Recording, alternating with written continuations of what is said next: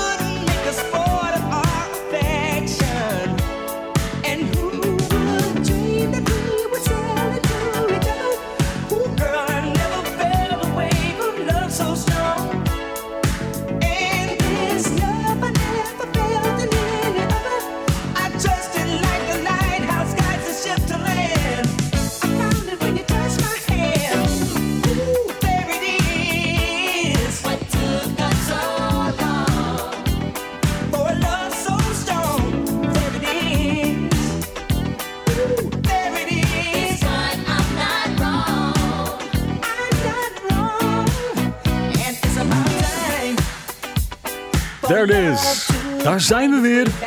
Joris Shalomar. Het is eindelijk weer zover. De Donderdag Date. Ja, onze afspraak. Frank het! Dit is de donderdagdate. Frank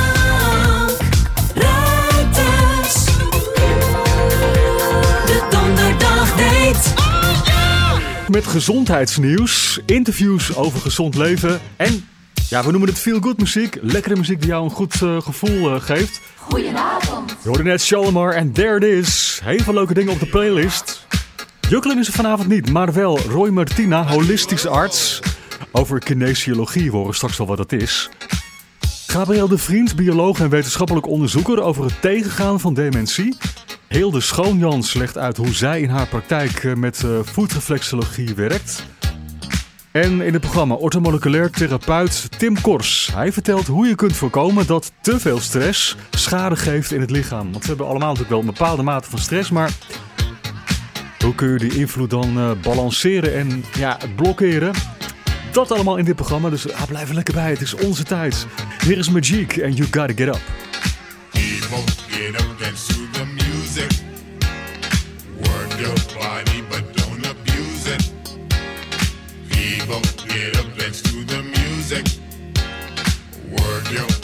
But don't abuse it. Don't hesitate, yo. Just take a chance.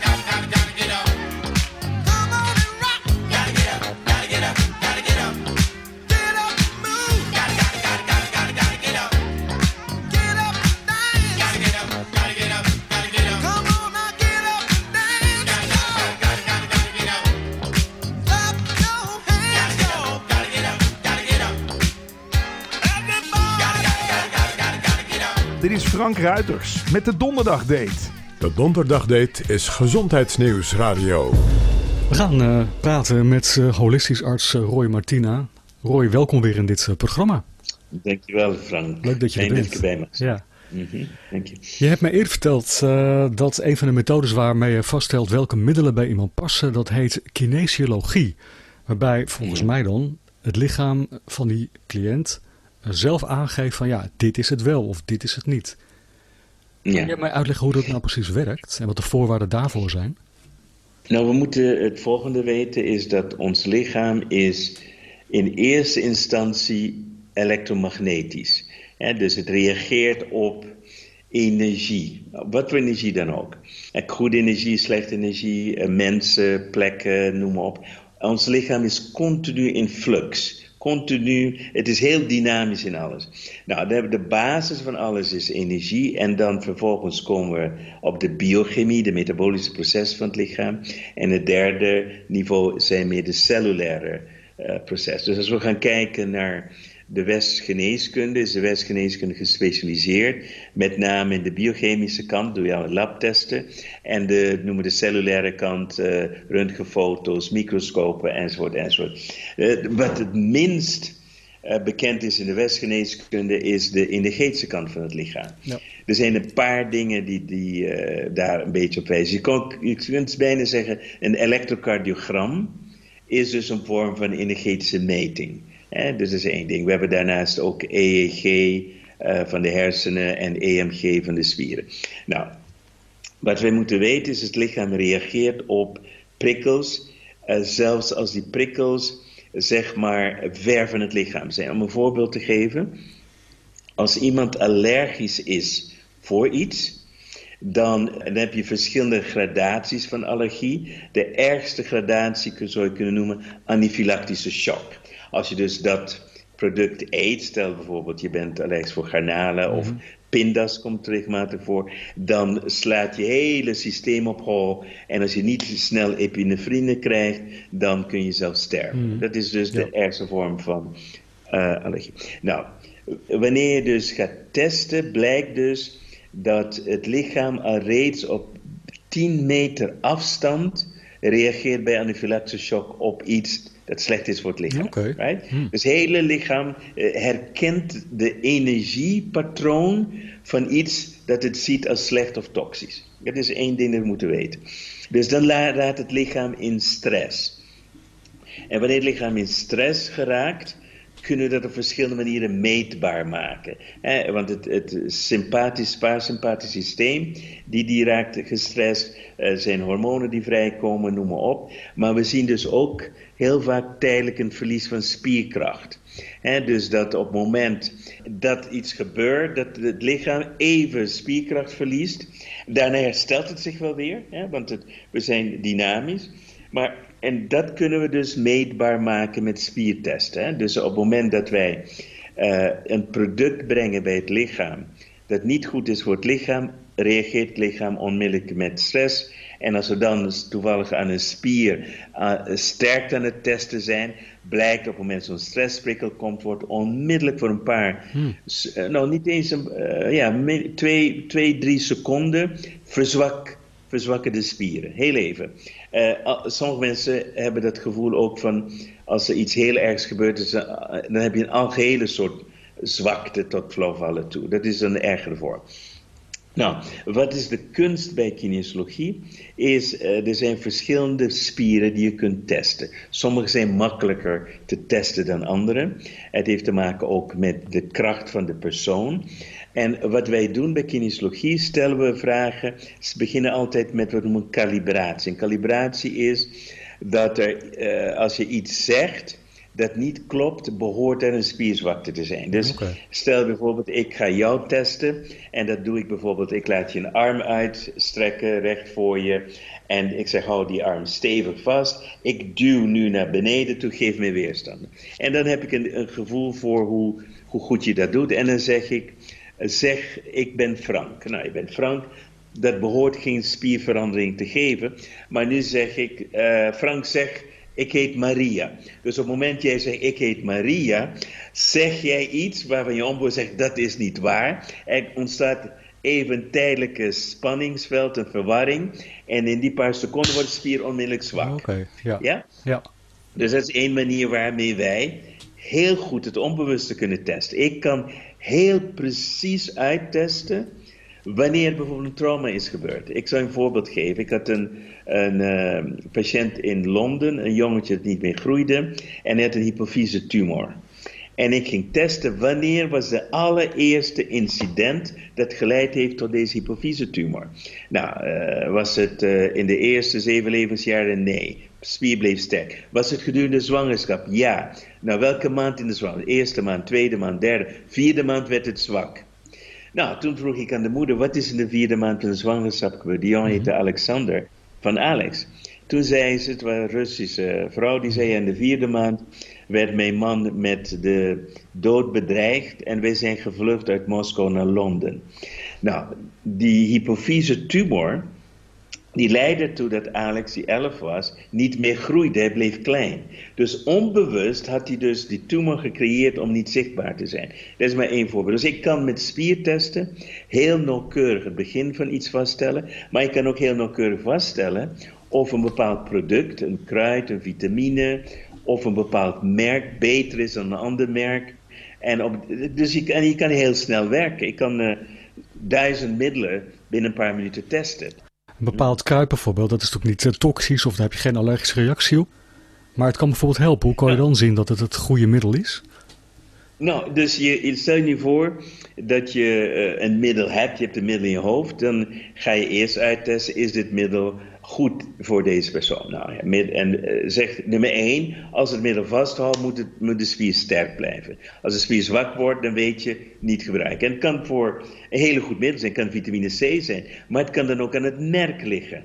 Want er is een heel groot verschil in merken. Dus dat wil niet zeggen, ik kan niet zeggen dat als één potje vitamine C zwak test, dat alle vitamine C niet goed is. Maar ik kan wel vragen stellen, want ik kan het middel testen en ik kan dieptevragen stellen.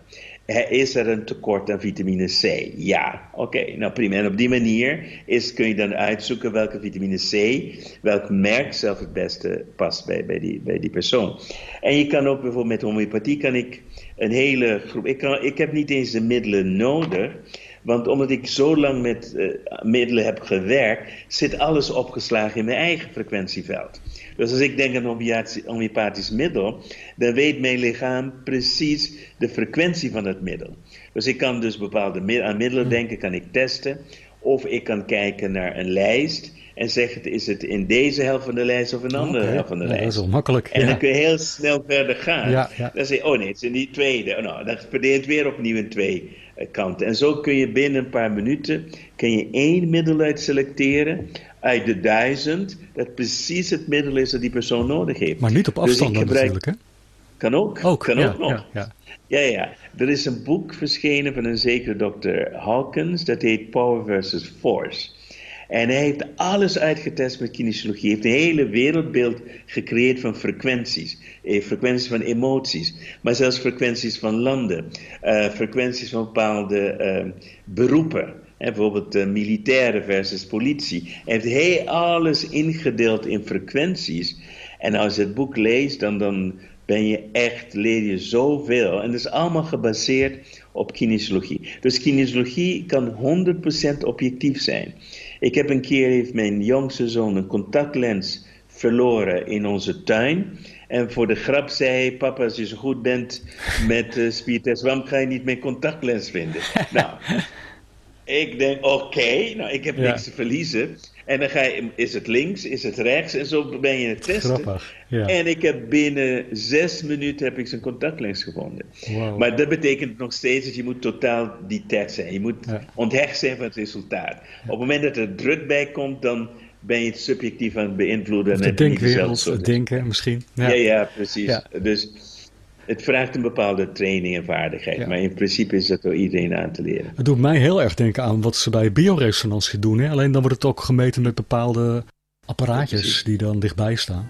Ja. ja, In principe kan je bijna alles wat bioresonantie kan, kun je met kinesologie ook. Daar komt het op neer. Het zijn gewoon verschillende ingangs... Ja, ja, het is allemaal parallel, ja. Interessant hoor. Nou Roy, dankjewel voor eh, de uitleg. Graag gedaan. The wind blew some luck in my direction. Caught it in my hands today. I finally made a tricky French connection. You winked and gave me your okay. I'll take you on a trip beside the ocean and drop the top in Chesapeake Bay. Ain't nothing like the sky to dose a potion. The moon will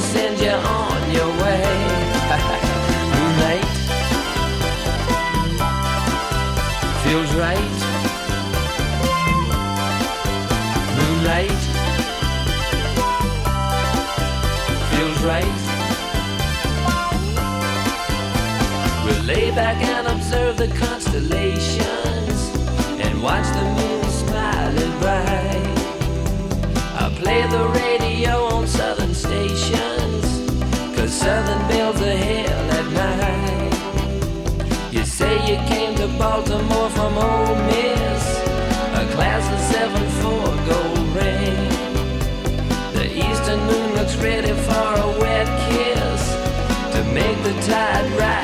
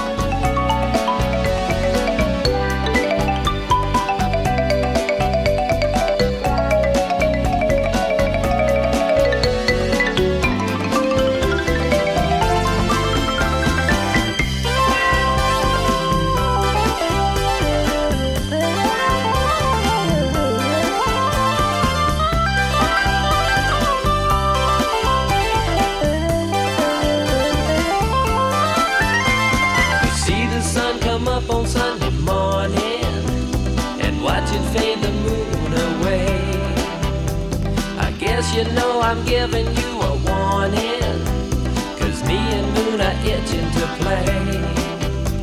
I'll take you on a trip beside the ocean and drop the top of Chesapeake Bay. Ain't nothing like the sky to do a potion. The moon will send you on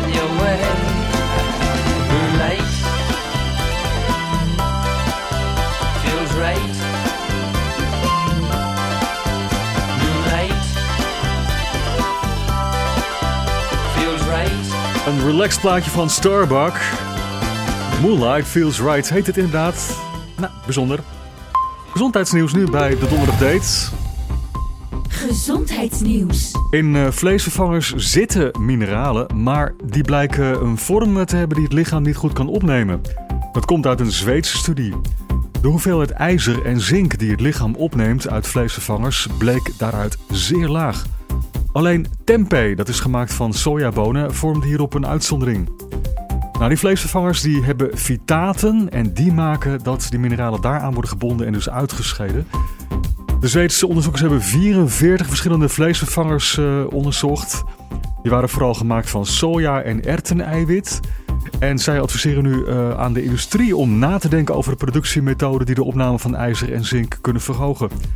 Er zijn verschillende manieren om ervoor te zorgen zelf dat je voldoende ijzer binnenkrijgt uit plantaardige bronnen. Je kunt denken aan het eh, combineren van verschillende plantaardige ijzerbronnen en het eten van voedingsmiddelen die rijk zijn aan vitamine C. In combinatie met ijzerrijke voedingsmiddelen om de opname van ijzer te verbeteren. En koffie en thee drinken tijdens de maaltijd kun je dan het beste beperken, omdat deze de opname van ijzer eh, kunnen verminderen. Ja, en nu denk je dat ik ABBA ga starten? Nou, goede gedachte hoor trouwens. Niet gek, maar het is een eh, orkest van Carl Davis. En het bekende nummer van ABBA natuurlijk. Hier is Voulez-vous.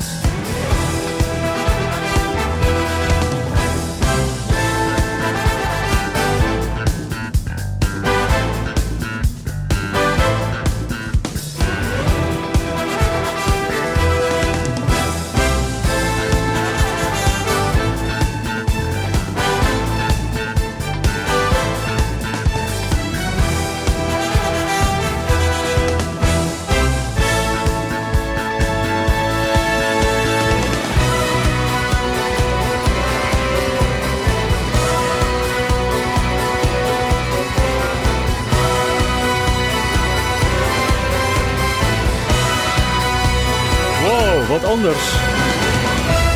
Gaaf, hè?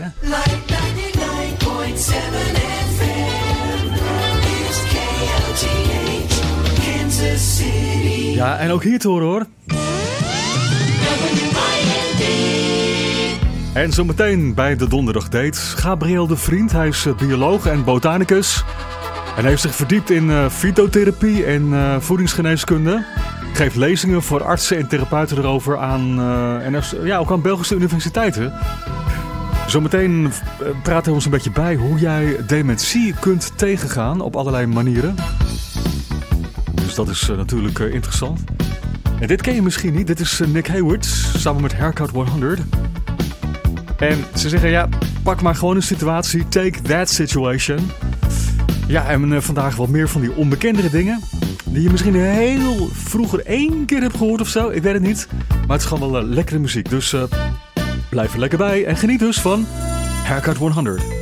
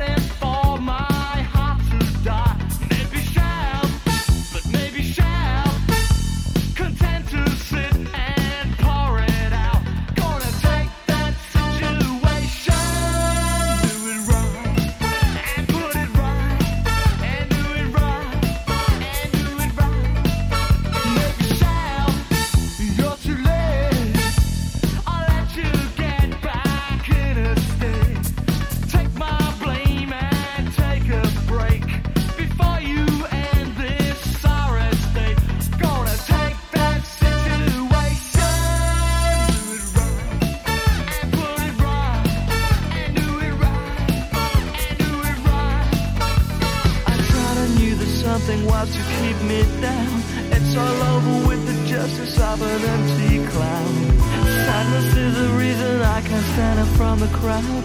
I only need a minute to look up and proud.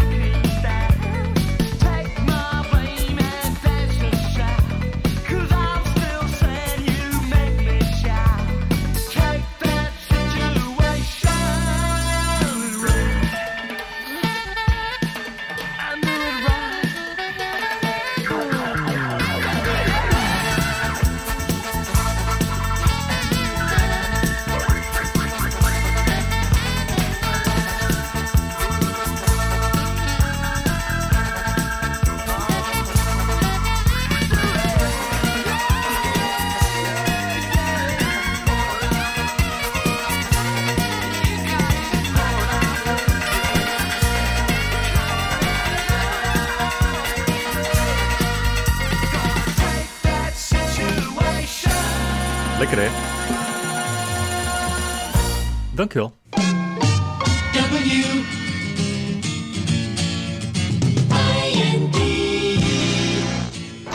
En we gaan nu contact leggen met Gabriel de Vriend. Uh, Gabriel, welkom in het programma. Uh, goeiedag. Vandaag wil ik graag als onderwerp uh, bespreken dementie. We zijn er allemaal natuurlijk ook een beetje bang voor. Zeker als je weet dat het voorkomt in je familie. Van, ja, en het, het blijft een beetje ja, een moeilijk gebied, eh, vinden veel mensen.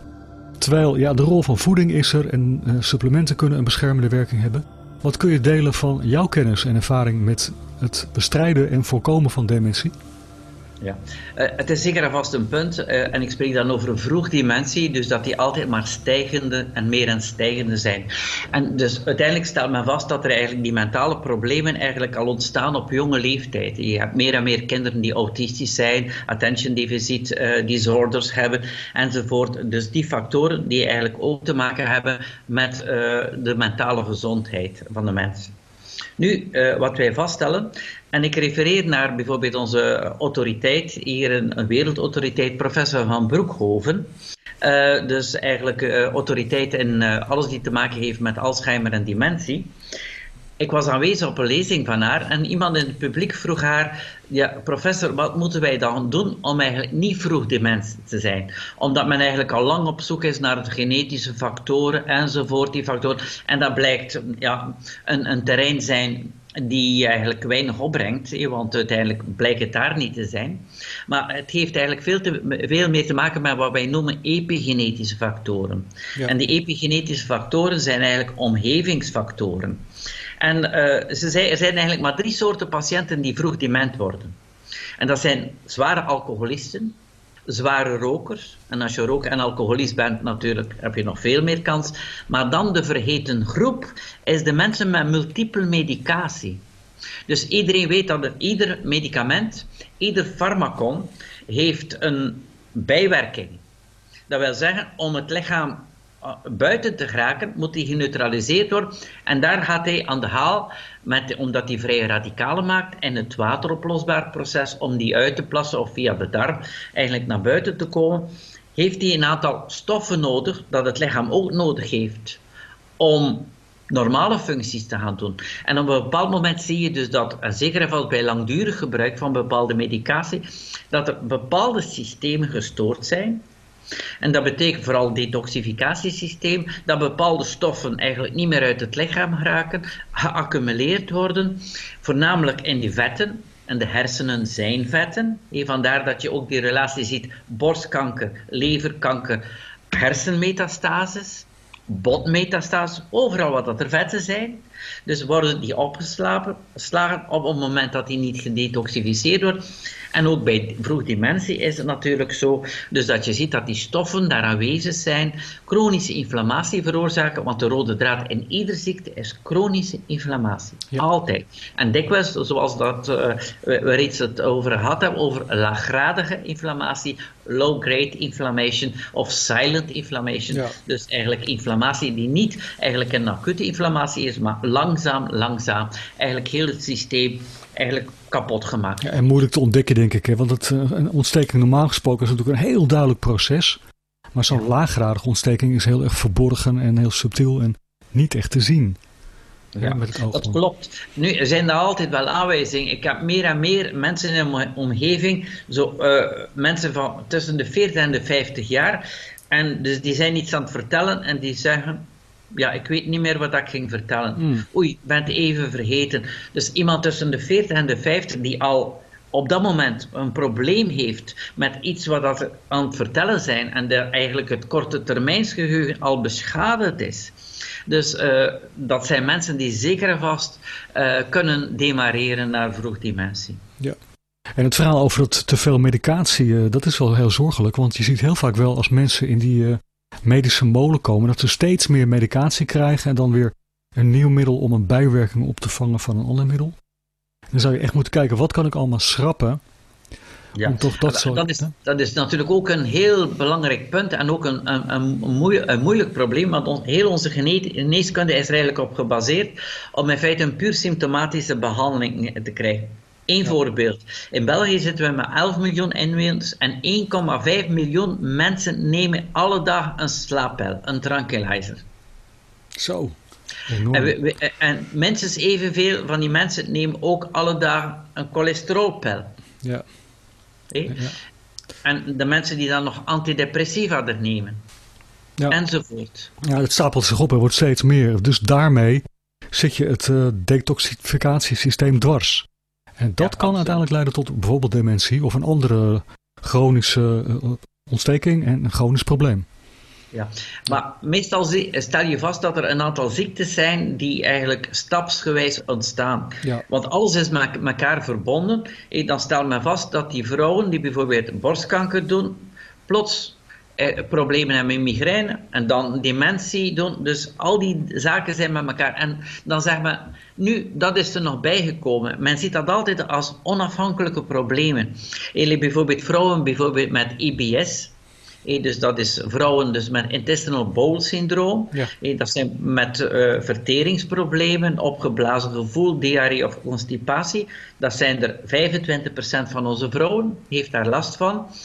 Dan stelt men vast dat die vrouwen viermaal meer kans krijgen om psoriasis te krijgen en viermaal meer kans krijgen om reumatoïde artritis te krijgen. Waarom? Omdat er een link is natuurlijk. En natuurlijk voor het een gaan ze naar de huidarts, de dermatoloog, de ander gaan ze naar de, de, de gastroenteroloog en voor het ander gaan ze naar de reumatoloog. Maar uiteindelijk gaat het dan over dezelfde problematiek en die ontstaat, eh, en dat is een voorbeeldje van darmprobleem en huidprobleem. Ja, precies. Dus Ja, ons eh, systeem met al die specialisten, die medisch specialisten, dat werkt het natuurlijk in de hand. Hè? Want een natuurarts kijkt veel meer overal naar de mens en de klachten en de samenhang. Maar een specialist kijkt natuurlijk alleen maar naar het ene gebied en het ene symptoom en die ene misschien bloedwaarde.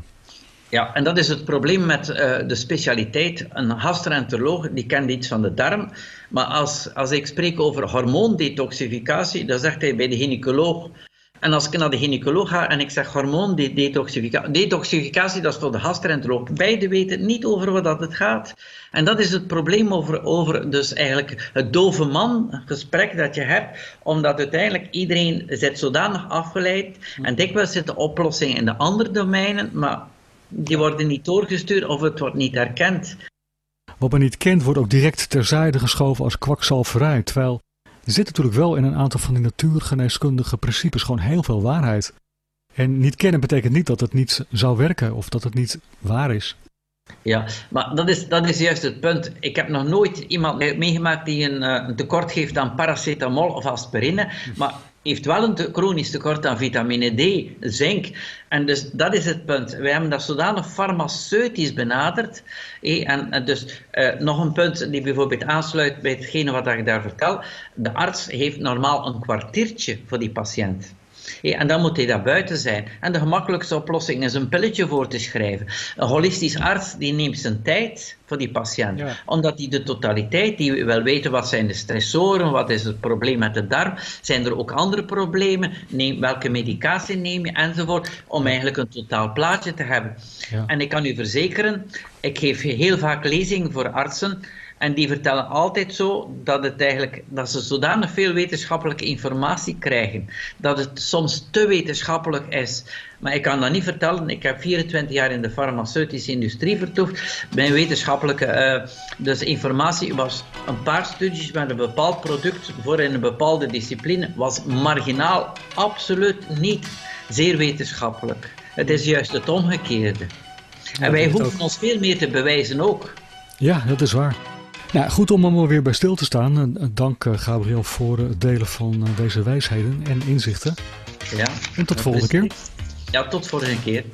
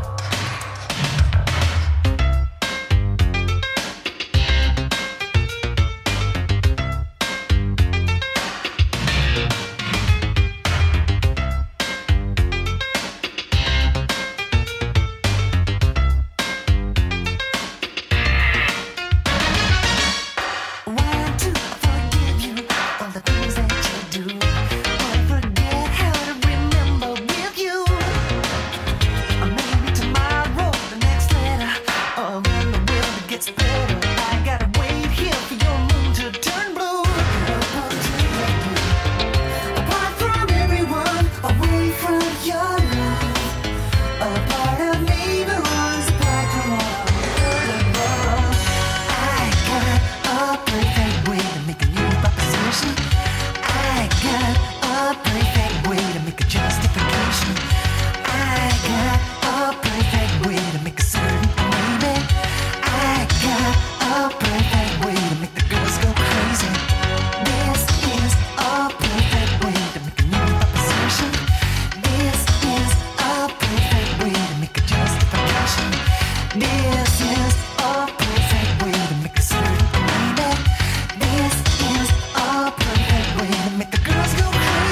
is a perfect song to make the girls go crazy. Dat was Screeny Polini. Geinig, hè?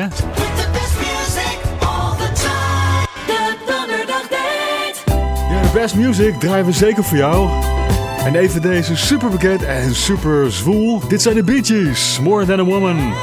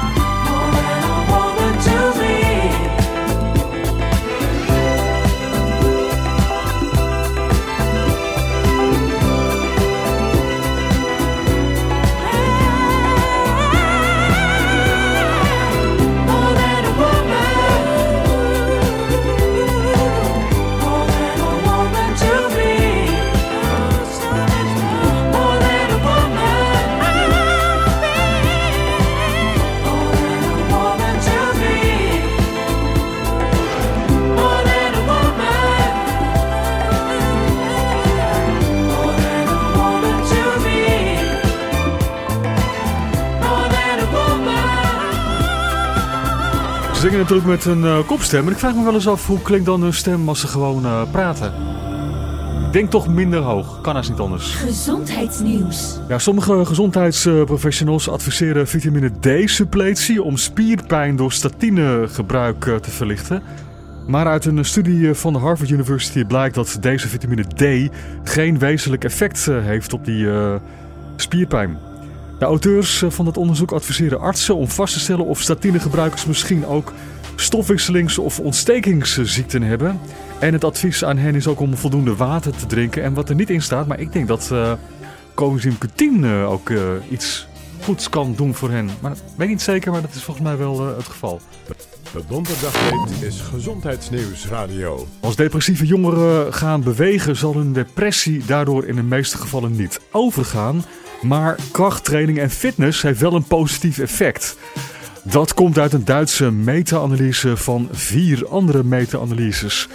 Men bekeek onderzoek waarin depressieve kinderen en jeugdigen van 5 tot 19 jaar waren gaan sporten. Gemiddeld gingen die proefpersonen gedurende drie maanden drie keer per week naar een gym voor een fitnessprogramma dat vooral uit cardio-oefeningen bestond. En ze zeiden dat ze, ze zich daardoor minder beroerd gingen voelen als ze veel gingen bewegen. Het bleek dus ook uit die analyse dat uh, lichaamsbeweging ook weer niet in staat is om de depressie helemaal om te keren en om te buigen. Maar het helpt dus wel mee. Dat kan je dus doen. What do I do? Het is ook een vraag die Phil Perrin en Galaxy puzzelt. Ze hebben er zelfs een plaatje over gemaakt. Dit is What do I do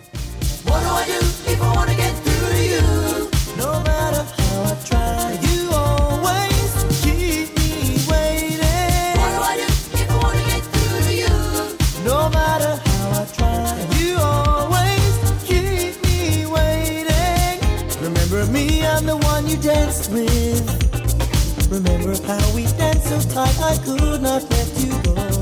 I know it's been a long time, but I'm calling cause I've got to be with you. First you keep me waiting, won't you let I've me got know? to be with you.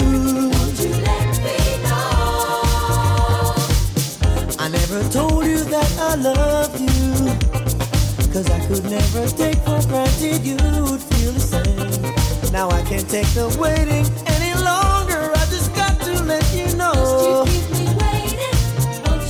I've got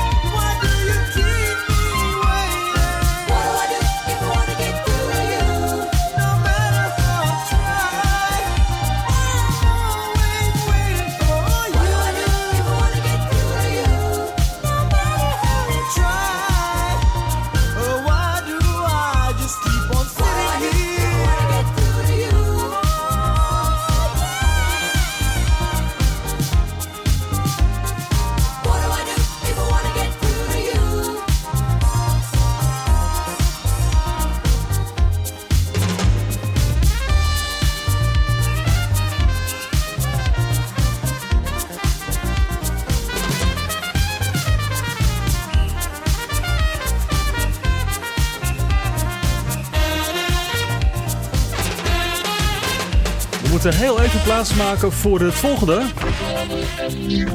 En ik zie je zo weer in uur 2. De donderdag. De. Gaat zo verder. Gaat zo verder.